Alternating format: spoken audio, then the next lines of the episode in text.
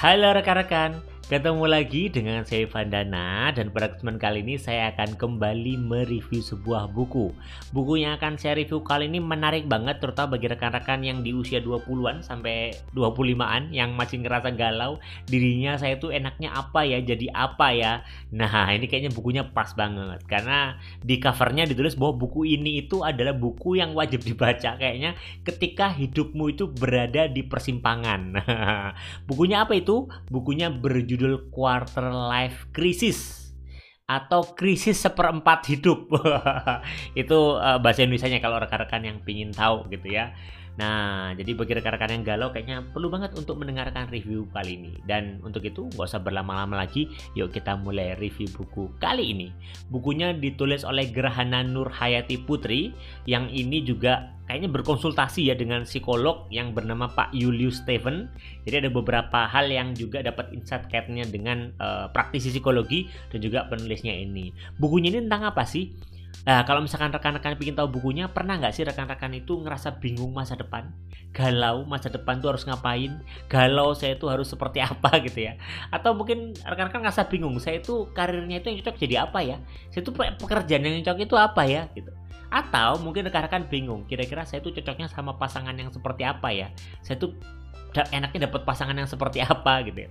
Nah kalau rekan-rekan menjawab iya di beberapa pertanyaan yang tadi saya ajukan, maka bisa jadi rekan-rekan sedang merasakan yang namanya quarter life crisis atau KLC. Nah di buku ini tuh akan membahas tentang quarter life crisis itu. Dan juga nggak cuma membahas tentang apa itu quarter life crisis, tapi juga akan dibahas gimana sih caranya mensiasatinya, terutama di dalam kehidupan kita gambaran isi bukunya sebenarnya bukunya itu tipis banget cuman ada tiga poin penting sebenarnya dibahas di buku ini. Yang pertama adalah tentang penjelasan apa itu quarter life crisis. Yang kedua adalah big problem. Nah big problem yang terjadi ketika kita ada di fase quarter life crisis ini. Dan yang ketiga adalah self help atau kalau boleh saya coba tafsirkan adalah apa sih yang perlu kita lakukan untuk menyikapi kondisi KLC ini untuk itu yuk kita bahas satu persatu kali ya. Yang pertama adalah di bagian pertama buku ini dibahas tentang apa itu quarter life crisis. Di bagian ini akan memberikan gambaran sejarah ya quarter life crisis itu dari mana. Terus kemudian apa sih quarter life crisis dan bagaimana tanda-tanda kita sedang kena quarter life crisis. Karena seperti namanya, krisis seperempat abad ini dialami oleh dewasa usia muda ya 20-an tahun atau seseorang yang sudah selesai masa remajanya sehingga dianggap dewasa. Tapi meskipun dia dianggap dewasa, sebenarnya eh, kalau dewasa itu kan harapannya bisa hidup mandiri ya. dan juga bisa mampu untuk mengambil pilihannya sendiri. Nah, kenyataannya adalah orang-orang di luar itu memberikan tuntutan, harusnya kan kamu sudah dewasa, kamu sudah tahu dirimu seperti apa. Tapi kenyataannya diri kita belum sedewasa itu. Bahkan emosi dan finansial kita belum stabil. Nah, ini yang menyebabkan akhirnya ada kegelisahan dalam diri kita, yaitu yang namanya quarter life crisis. Di bagian kedua buku ini membahas tentang big problem. Nah, ini adalah membahas dua masalah atau dua big problem terbesar yang dialami terutama ketika kita sedang merasakan namanya quarter life crisis atau kita ada di fase tersebut. Yaitu masalah dalam hal karir atau work life work life crisis gitu ya atau masalah dalam hal percintaan atau love life. Nah, kedua masalah inilah yang kemudian akan dikupas di bab ini masalah karir itu memang sering kali muncul dan pasti rekan-rekan juga di sini pernah merasakan gitu ya. Karena masalah karir ini muncul ketika kita dianggap harus mulai mandiri secara finansial karena kita juga sudah dianggap dewasa. Tapi di sini eh, kadang akhirnya kita belum bisa sedewasa itu di sini biasanya ada dua hal yang juga bikin galau antara pak karir atau passion. Kita ngejar karir atau ngejar passion sih enaknya sih. Mending kita fokus ke passion yang kita sukai atau kita mengejar karir yang itu berupa materi sih. Nah itu juga dibahas dan itu menjadi permasalahan yang muncul ketika kita ada di fase quarter life crisis. Jadi ada tuntutan orang dari luar sekitar. Di sisi lain kita juga galau. Passion, karir, passion, karir. Sedangkan masalah tentang love life itu ya eh, muncul di usia 20-an Nah, yang itu harusnya kita nggak cuma mengejar karir, tapi juga pasangan. Di mana kita makin dewasa, kita makin banyak pertimbangan. Duh, pasangan cocok seperti apa ya? Ini karir saya sudah oke, tapi saya pasangan saya belum dapat galau lagi dan sebagainya. Nah, Di bagian ketiga buku ini dibahas tentang self-help. Jadi kalau di bagian pertama tahu pengertiannya quarter life crisis, di bagian kedua itu kita sudah mulai paham problemnya apa. Di bagian ketiga kita perlu apa sih? Apa sih yang perlu kita lakukan untuk menghadapi fase namanya quarter life crisis? Apa sih yang perlu kita siapkan? Apa sih yang perlu kita lakukan ketika kita ada di fase itu? Nah, jawabannya adalah melakukan eksplorasi diri.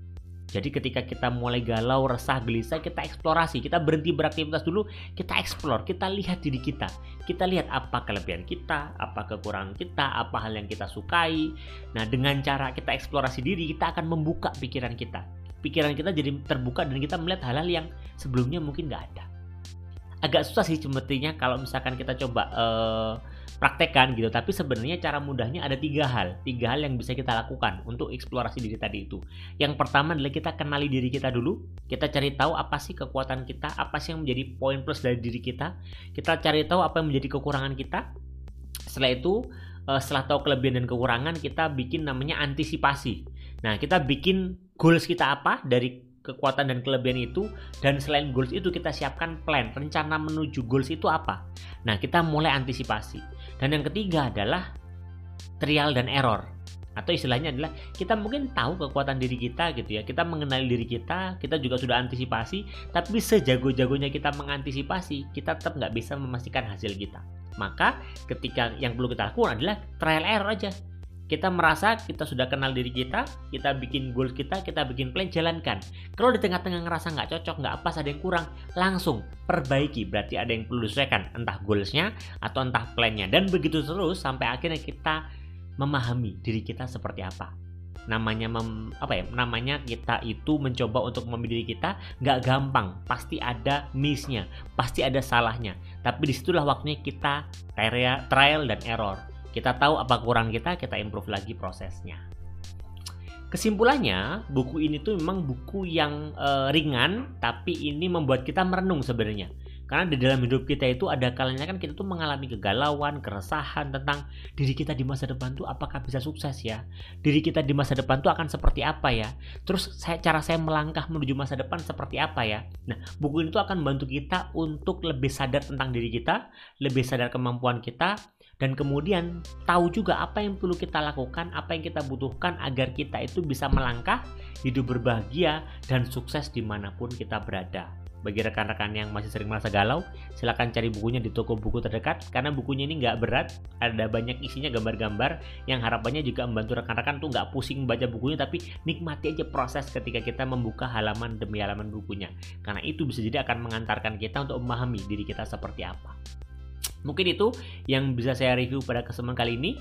Moga-moga bermanfaat dan sampai ketemu di review buku selanjutnya.